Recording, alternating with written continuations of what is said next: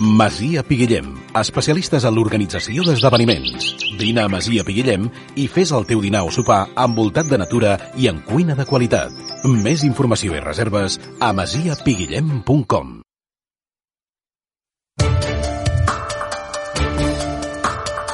L'economia, la salut, el benestar, la vida social, la solidaritat estan en el punt de mira. En el punt de mira és un programa per tractar en profunditat totes aquelles qüestions que ens envolten. En el punt de mira, un programa d'entrevistes amb Josep Lluís Navarro. Bon dia, radioients. Avui parlarem del turisme a casa nostra i els seus efectes directes i indirectes. Turisme sostenible o turisme de masses? Turisme de proximitat o internacionalitzem la nostra comarca? Turisme popular o d'èlit? Té la nostra comarca els equipaments i instal·lacions necessàries per acollir tothom que ens visita? Cal incrementar la taxa turística? Cal regular més els espais naturals i els nous models turístics? Per tal de conèixer millor aquest tema fonamental, tinc el plaer de presentar-vos a la senyora Gemma Canalies i Rafel, presidenta de Turisme Garrotxa i consellera comarcal de Turisme. Bon dia i benvinguda, senyora Gemma Canalies. És un plaer tenir-la aquí a Radio Olot. Molt bon dia, Josep Lluís. Moltíssimes gràcies. Uh, gràcies a tu, perquè si no, no parlarem de turisme, i avui és important. Escolta'm, uh, què ens aporta el turisme a, a la comarca de la Garrotxa? Mira, per fer una mica de reflexió així general, eh, i amb dades també, eh, realment jo sempre dic que el turisme, quan està ben gestionat, és un actiu molt important i un actiu eh, econòmic per la comarca, en aquest cas. És un actiu econòmic i, a més a més, una font d'ocupació molt important en aquest cas. Ara, fent una mica, si voleu, de repassada de diagnosi de dades, és que només hem de, de fer referència. Mira, actualment a la comarca tenim uns 580 allotjaments eh, arreglats, tenim eh, uns 18 ca eh, càmpings, tenim 176 eh, restaurants i una trentena d'empreses d'activitats. Amb això què vull dir? Mireu a darrere realment l'activitat que suposa eh, tot el que s'envolta eh, a través del, del turisme. Això a nivell econòmic. I llavors ara també, clar, a nivell eh, social jo sempre dic que, a més a més, eh, el turisme realment ens permet posar en valor el patrimoni natural i el patrimoni cultural eh, que tenim i, a més a més, sempre té la capacitat per acostar les comunitats, generar comprensió. Uh, sempre respectem realment allò que coneixem. Doncs, per exemple, el turisme uh, afavoreix realment aquesta generació de, de comprensió, intercanvi d'experiències i, com t'he comentat realment al començament, aquest creixement de l'activitat econòmica. Això, a, a el que ens estàs dient ara que és important, és a dir, la, percep la, la, la, percep no, no la percepció, sinó la, la forma de protegir aquest territori nostre, estem degudament protegits? Vull dir, clar, tenim molta gent en un puesto que ens ve gent, evidentment, ve gent de tot tipus, gent que aprecia el que tenim i gent d'altra que, bueno, no aprecia o simplement ve de passada i tant se li en fa. Estem protegits al nostre entorn? Eh, tenim unes polítiques que protegeixin precisament l'entorn?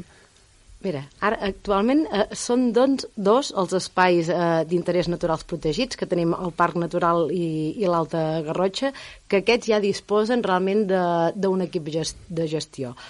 Uh, pel que fa a la resta de zones que formen part de, del pla de, de, del pla d'espais d'interès naturals o, o de la xarxa de Natura 2000, aquests no tenen, no tenen cap, cap equip de gestió pel fet que condiciona molt el seu, el seu funcionament.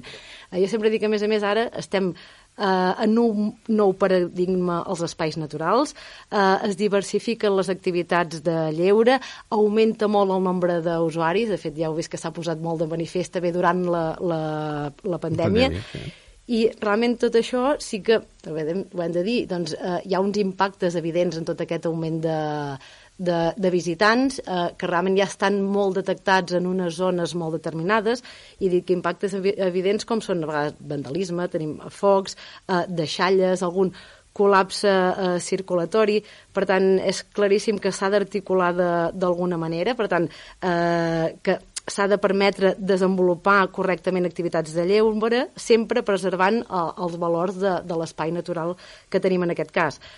Uh, per tant, en aquest cas que et diré doncs, la que és imprescindible realment educar i tenir, sí, evidentment, un pla de, de protecció que realment que sàpiga aconseguir aquesta balança entre protegir i poder gaudir dels nostres, dels nostres espais. Correcte, correcte. I, i a més a més és que, mm, mm, bueno, els que, els que gaudim de l'espai nostre aquí a la Garrotxa, dic, ens trobem moltes vegades que en fi, que hi ha gent que no, que no aprecia eh, el patrimoni paisatgístic i la natura nostra que és tan important. I això, per això et deia això, per això et demanava, vull dir que realment aquí s'ha de fer una incidència. Després veurem altres temes que, que, que lligaran.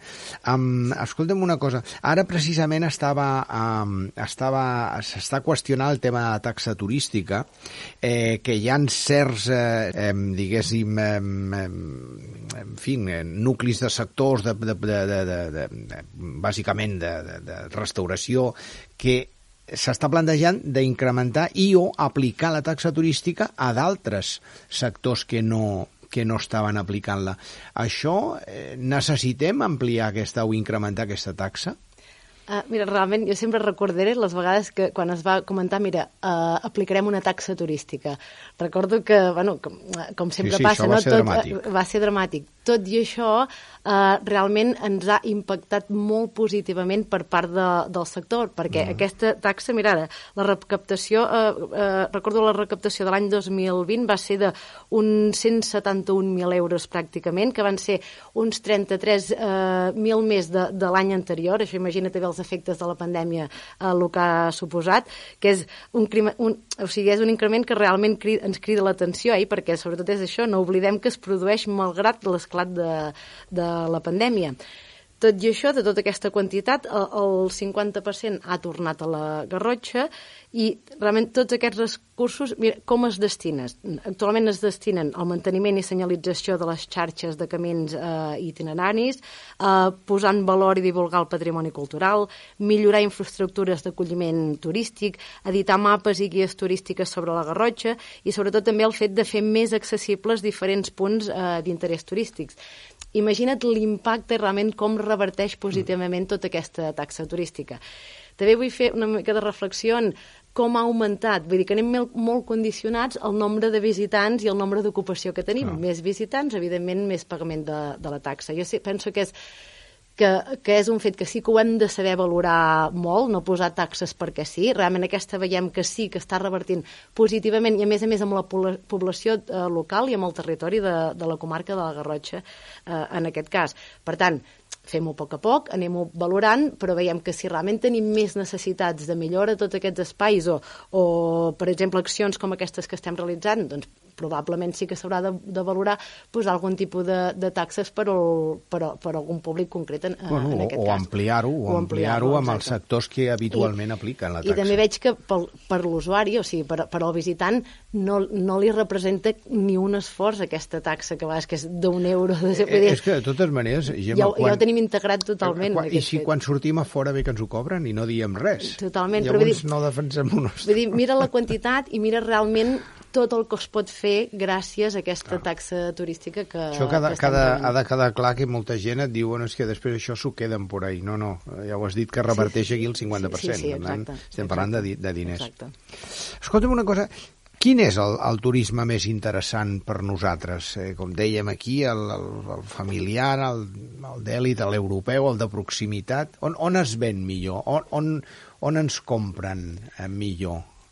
Mira, aquí també m'agradaria posar molt en valor, és que aquí eh, realment s'està fent, o evidentment hi ha moltes coses per millorar, eh, però s'està fent un gran treball perquè des de Turisme Garrotxa sabeu que eh, hi ha meitat públic-privat, eh, hi ha meitat, meitat de públic, meitat de privat, o sigui que hi ha una col·laboració pública-privada, hi ha agents públics, agents privats que, que treballen per al desenvolupament eh, sostenible de, de la comarca sempre ens emmirallem amb la Carta Europea de Turisme Sostenible. Ja tenim una estratègia molt clara en aquest sentit. Per tant, eh, com estem treballant actualment? Estem treballant per l'especialització com a destinació sostenible.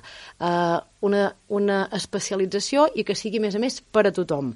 Um, per exemple, ara estem treballant amb, amb el turisme de natura, per exemple, una especialització per al turisme de natura, amb el senderisme, uh, per arribar realment a mercats internacionals i per poder desestacionalitzar la, la demanda.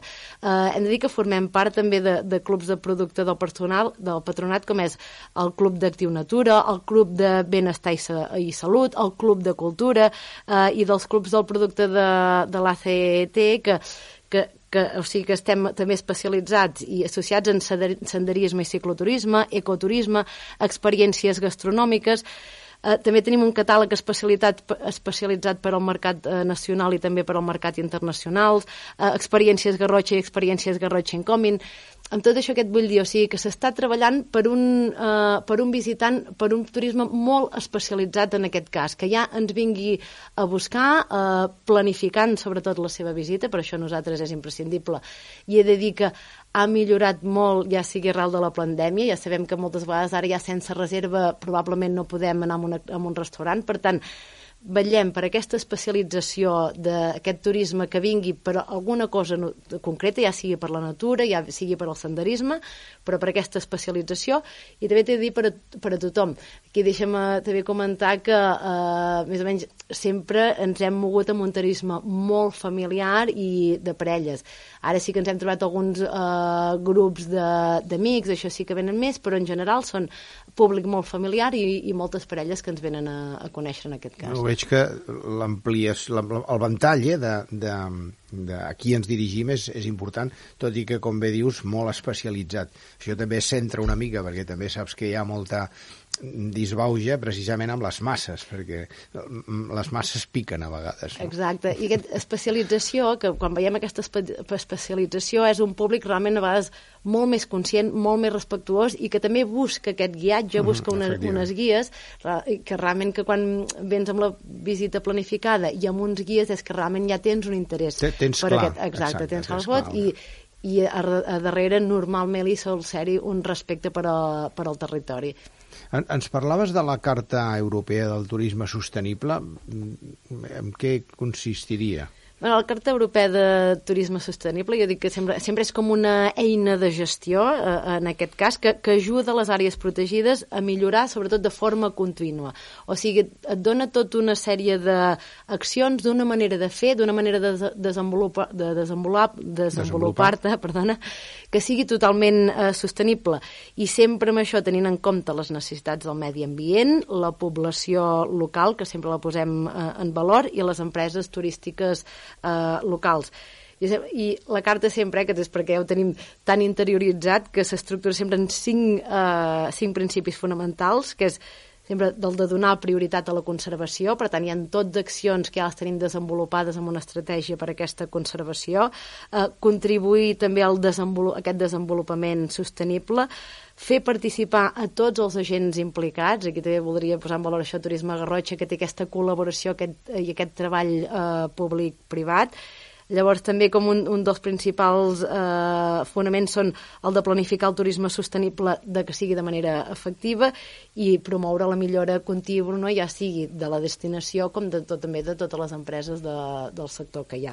Per tant, o sigui, és una manera de fer, una, una manera de, de treballar amb uns objectius que ja, ja, ja tenim molt clars eh, en, aquest, en aquest cas. També deixa'm, deixa'm dir que això que la, la Garrotxa és la destinació turística de tota Europa que fa més anys que de manera ininterrompuda està acreditada amb la Carta de, de, Europea de, de Turisme Sostenible. Vull dir que també ens posa molt en valor i ens posiciona molt a, a, a la Garrotxa com una manera de fer, com una manera de treballar que és totalment eh, sostenible en aquest cas. Doncs eh, això ens ha, de, ens ha de portar aquest turisme desitjable eh? I, i, i generar això que deies al principi, comentaves precisament de lo que genera, eh? quan et dèiem que què és el que genera el turisme, doncs aquest, eh, aquest important volum de negoci que, bueno, si es comptabilitza des del punt de vista català, doncs estem parlant del 9% del producte interior brut, o sigui Exacte. que no és poca broma. Exacte.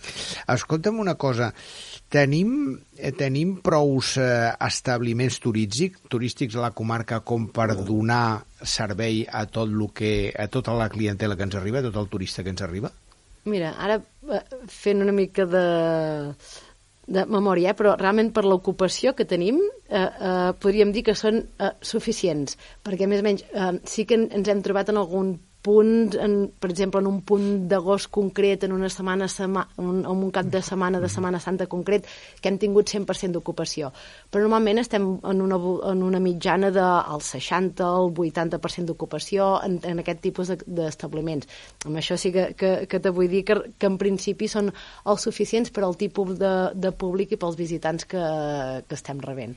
Perquè Déu, déu nhi el que tenim eh, d'establiments. El que, ara sí. parlem d'hotels, però parlem especialment amb del que serien les cases rurals, que, que tenim unes instal·lacions que són realment brutals, brutals de, de, dels llocs on estan ubicats i, a més a més, de la qualitat del producte que donen és espectacular. Jo m'hi he passat ja per alguns i de veritat que al·lucines, eh? Vull dir, és, jo dic, és... és que som uns privilegiats, a més a més, brutal, en aquest sentit, eh? eh? la brutal, qualitat brutal. també sí, sí. De, de, així, dels allotjaments que s'ofereixen aquí, aquí a la Clar. comarca i la diversitat, eh? també et diré, perquè tant, tenim uns càmpings amb una qualitat excel·lent, unes cases, cases rurals no, excel·lents, eh? allotjaments turístics realment excel·lents en aquest... Poder, eh, eh, um, a mi tinc la percepció que arrel de la Covid, eh, clar, la Covid ens ha deixat tancats tots a casa Eh? I um, hem, no hem tingut més remei que conèixer casa nostra, que no la coneixíem moltes vegades, o, o molta gent no, no es passejava per, per la Catalunya eh, més interior, o, o per Catalunya en general, no? Eh, I això ha fet precisament que, que vingui una quantitat de gent notable, no? I amb, amb aquest aspecte et diria que bueno, eh, s'han descobert llocs fantàstics, instal·lacions, eh, cases rurals, hotels, càmpings, eh, algo extraordinari, que i un producte nou o un tipus de turisme nou que seria eh, dins del càmping l'autocaravana, no? Tenim, tenim, eh, tenim equipaments per aquest tipus de turisme?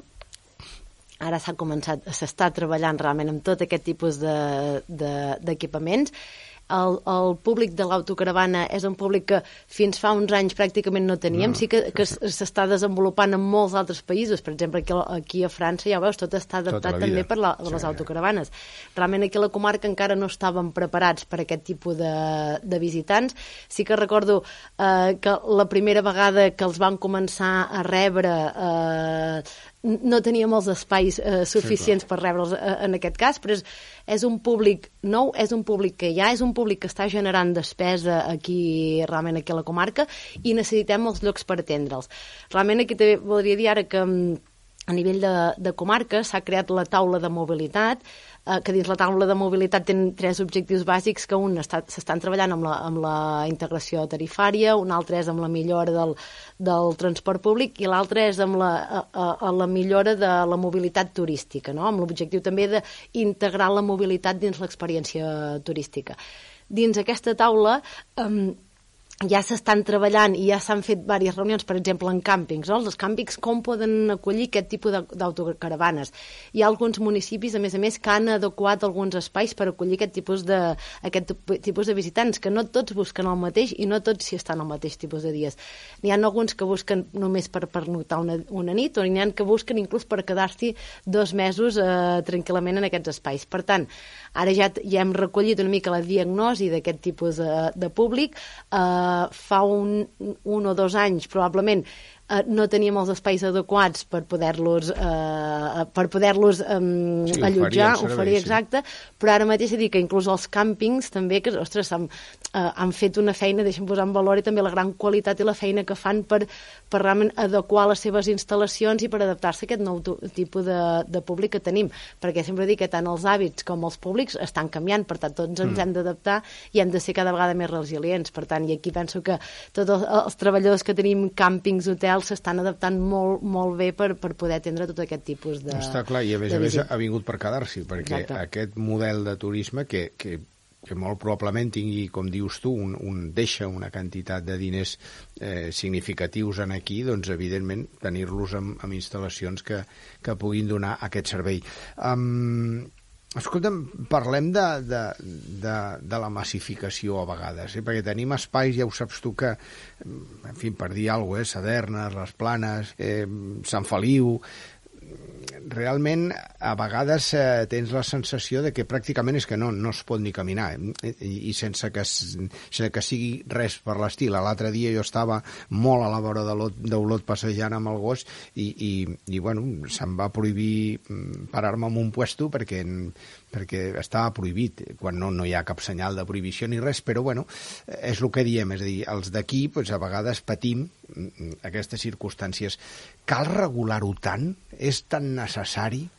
Jo penso que hem, hem de buscar l'equilibri en aquest o, cas. O, o és poc, eh? O sigui, ara ja, ja déu nhi les, les eines de gestió, jo, com he dit al començament, eh, penso que uh, un turisme molt ben gestionat eh, pot acabar sent un actiu econòmic. El que passa que s'ha de saber atendre molt bé tot aquesta, tots aquests visitants que estan vinguent afortunadament ja estan molt detectats aquests punts de sobrefreqüentació, per tant, ja es comença a treballar en aquests espais. No sé si ja heu vist, per exemple, hi ha alguns gorgs concrets que abans d'anar-hi però has de reservar. Sí, sí, no si no vas. reserves, exacte, no pots accedir en, aquest, en aquests gorgs. Per tant, potser mirem, eh, canviem la mirada, ho miro com una mirada positiva en, en aquest fet, que ara la gent ha de planificar això, que anem perquè, eh, sobretot, eh, l'objectiu, que la gent vingui amb la planificació de, de visita. Número 2, 1, si aquests espais que sempre normalment ja sabem quins són i estan sobre, sobrefreqüentats ja eh, estan ocupats i estan omplerts, doncs, ostres, potser hem de posar en valor molts altres actius de la comarca que tenim i que probablement no, no es, es coneixen. coneixen. Per tant, ara he de dir que aquest any passat es va fer una prova pilot també amb una plataforma multientitat que, que és, que es va oferir també a tots els ajuntaments i, qui, qui, i a tots els ajuntaments i espais naturals de la comarca, que qui s'hi va voler acollir s'hi podia acollir. Quin objectiu té aquesta plataforma? És que tot el visitant que, que vingui aquí a la comarca que pugui veure tots els espais eh, naturals i tots els actius que tenim a la comarca i que pot visitar. Quan reserves en un, vols un espai i veus que està ocupat, doncs automàticament veus tots els altres espais eh, actius que tenim aquí a la comarca que es poden visitar. Per tant, jo penso que en aquest fet el que podem, el que podem aconseguir és evitar aquesta sobrefreqüentació en uns espais determinats, per això aquesta reserva, la necessitat en alguns espais de reserva, uh -huh. fins que no s'acabi d'educar a la gent, número 1 això, i també aprofitem per desfreqüentar eh, i que llavors que la gent se'n vagi també i conegui tots aquests altres actius que I tenim a nivell crees, de... crees la, la, la necessitat o, la, el voler tornar a, a visitar allò que no Exacte, vas poder i a més a més, moltes vegades també s'aconsegueix allargar l'estada, perquè ja saps que has de, com que has de planificar aquesta visita, allargues l'estada. I també he de dir que també la, la, diversificació en el fet de no concentrar-se totes les visites només en una temporada de l'any, que sinó també el que es vol aconseguir és que també que les visites es, exacte, que es facin durant l'any. La importància també que s'ha vist en aquests punts de massificació i que ara també és tenim l'exemple, hi ha resultats de Setmana Santa, que hi han hagut eh, molts guies informadors en aquest cas, d'acord? És educadors, educadors tant ambientals com educadors on, que, que simplement et guiaven per on, per on podia circular, en aquest uh -huh. cas. Eh? I realment sí que s'ha notat molt que a la mesura que, que, mm, que eduques, que informes a la gent, que comuniques doncs, i que saps i que sensibilitzes, la gent realment te respecta més al territori i sí que tenim aquestes dades aquesta Setmana Santa, probablement no ens hem trobat amb aquests espais de tanta sobrefreqüentació. Els restaurants estaven plens, allotjaments plens, eh, l'ocupació ha estat eh, pràcticament excel·lent i no s'ha notat aquesta, aquests punts de tanta massificació. Per tant, bé, eh, hi ha cosa a millorar, però evidentment que, que s'està treballant i alguna cosa s'està fent fet, ben feta en aquest sentit. No, no, això, això està sí. clar. Algun faltaria, eh, regular, perquè em ve l'element un, eh, amb un coll, amb un el coll de, eh, que jo, eh, si a vegades que sí. no s'hi pot, ni ha ni entre setmana, eh? Sí, sí. Entre setmana ja hi ha un fotimer de gent fantàstic. Bueno, és que tenim el que tenim, Tenim, som exacte, uns privilegiats. Som privilegiats, exacte, clar, som així, privilegiats, està claríssim. Escolta'm una cosa, hi ha un tema que evidentment sempre mm, el que aporta coses positives a vegades també aporta coses que no són tan positives. És a dir, eh, sabem perfectament que els accessos, per exemple, a tota la zona de, de, la, de la Fageda i a Santa Pau, doncs eh, molts veïns pateixen les incomoditats d'aquests, eh, bueno, aquestes eh, aquestes fileres de cotxes interminables i, bueno, i, i el perill a vegades de pujar la gent per la carretera caminant. Eh, això també, clar, convindria, hi ha molta gent que, bueno, t'ho diuen, no? Dius, com, com, com es pot arreglar? És difícil, no? Però penso que ara ja comencem a tenir les eines eh, realment per poder-ho gestionar correctament. Amb, amb el tema que he comentat d'aquests eh, aquests educadors ambientals, per exemple, aquests educadors també que, que t'informen d'on pots aparcar o no pots aparcar. Eh, aquestes reserves i aquesta necessitat de planificar la, la visita. Jo sí que realment hem notat un canvi des d'aquesta darrera Setmana Santa, fa un o dos anys, amb, amb, amb espais realment privats on, i davant de, de portes de, de pàrquing sí, privats sí. on la gent hi aparcava. Uh, aquí també sí que s'han posat també aquests, aquests educadors, n'hi havia alguns que podien posar algunes multes i alguns avisos, i en aquest cas sí que la gent ha reflexionat en, en aquest sentit. I sí que s'ha vist una mica d'ordre, tot i la millora que encara cal, eh? però sí que hem d'anar molt enfocats en aquest sentit, que hi hagi gent que sàpiga educar, que puguem comunicar correctament i sensibilitzar tota la població perquè per protegir també tot, tot aquest medi i aquest privilegi d'entorn que, no, no, que realment tenim. I, i els que estem vivint aquí que a vegades pues, ho patim, no? Evidentment. L'avantatge per la, per, la, per la comarca, però també es, sí. es pateix. Ara, jo sempre dic que els millors llocs per viure seran, els millors llocs per ser visitats, en aquest cas. Per tant, mirem la població local, sí, com vivim, com, com ens ordenem, com, com actuem en aquest cas, i llavors, saps? llavors els visitants llavors també respectaran tota, tota la zona on vivim. Sí, sí, això està, això està clar. Escolta'm una cosa, i com, com ajudeu, com ajuda Turisme Garrotxa a, a, la, a la comarca, i quan dic la comarca em refereixo a, als establiments, a la gent que s'hi dedica al turisme. És a dir, i ho dic des del punt de vista bàsicament de la innovació, eh, professionals, formació, com, Feu alguna activitat? Sí, fe, uh, intensament, eh, setmanalment, uh, durant tot l'any, he de dir, eh, també torno a posar en valor, penso que és això, que a més a més uh, són accions que es fan i que s'acorden amb el, entre sector públic i sector privat. Jo per mi això és imprescindible, o sigui, el sector públic a vegades no pot oferir segons quines accions, uh, si és que el, segon, el sector privat no en té aquesta necessitat. Per tant, les accions es prenen uh, conjuntament, he de dir que des de Turisme Garrotxa Eh, ens coordinem amb la Fundació d'Estudis Superiors, amb, amb Dinàmic, que és l'àrea de promoció econòmica també d'Olot, eh, i entre eh, d'altres entitats, sobretot per oferir formació, una formació tota que sigui totalment de, de qualitat, una formació actual al sector, sobretot per aquesta millora contínua. Hem hem, és el que hem dit, cada vegada hem de ser més resilients, els, canvi, els hàbits han canviat moltíssim, les, les tendències han canviat moltíssim, per tant, sempre setmanalment el que s'ofereix des de des de Turisme Garrotxa és aquesta formació per la millora contínua, per estar sempre eh, actualitzat, ja hagi tant en temes d'innovació, en temes de, de medi ambient, en temes de seguretat, en temes, de, en temes energètics inclús. Ara fa poc també vam signar un conveni amb Garrotxa Domus, del qual tots els establiments que estan a, a Turisme Garrotxes poden, poden disposar de assessorament eh, tècnic, financer i administratiu totalment gratuït, gratuït, sobretot per millorar la seva eficiència energètica en aquest sentit. O sigui, setmanalment ja es van, es van uh, oferint accions segons la necessitat que hi van havent uh, amb el sector. Uh, he, de, he de dir que, que de fet, l'acreditació amb, la, amb la segona fase de, de les CETS, a la Carta Europea de Turisme Sostenible, ajuda aquestes empreses a, a, elaborar sempre un pla de millora, a, sempre a tres, a tres anys vista. Per tant, ja des de Turisme Garrotxa sempre es fa aquest, aquest acompanyament per tota aquesta uh, aquesta millora contínua bueno, i necessària. De, de, de fet, és que si no, si no actuem de forma anticipada, eh, el temps se'ns se menja. I en aquest cas, home, jo el que diria que clar, molta gent podria pensar que la comarca de la Garrotxa pues, clar, és un, un èxit en general eh? I, i tenint en compte el sector del turisme bàsicament perquè clar, tenim uns restaurants de primer nivell eh, tenim uns hotels i unes cases rurals que és una passada eh, clar, i a més a més amb una ocupació que com deies tu moltes vegades eh, del 80 o 90 però d'un 60 que això a qualsevol, eh, a qualsevol persona que es vulgui dedicar al turisme que li diguis que té un 60% d'ocupació ocupació eh, t'ho compra però, però ràpidament. Llavors, bueno, l'única qüestió no és, és tenir molt clara que, que potser que no, que no caiguem en certa autocomplaença d'èxit, no? Perquè, clar, eh, llavors eh, tindríem, tindríem certs riscos a futur, no?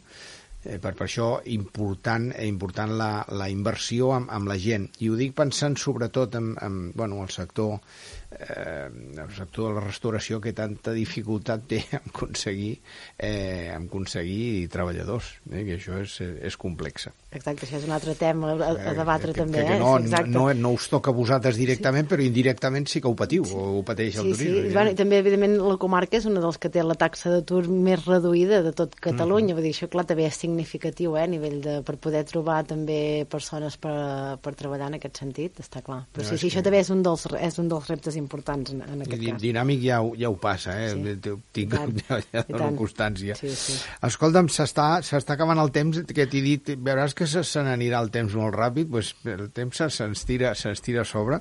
Escolta'm una cosa, a vegades el que dèiem de la, de la massificació... Eh, i ho veiem en molts llocs eh, i en molts aspectes del turisme no? eh, realment eh, realment és sostenible eh, aquesta massificació que a vegades patim aquí a la comarca?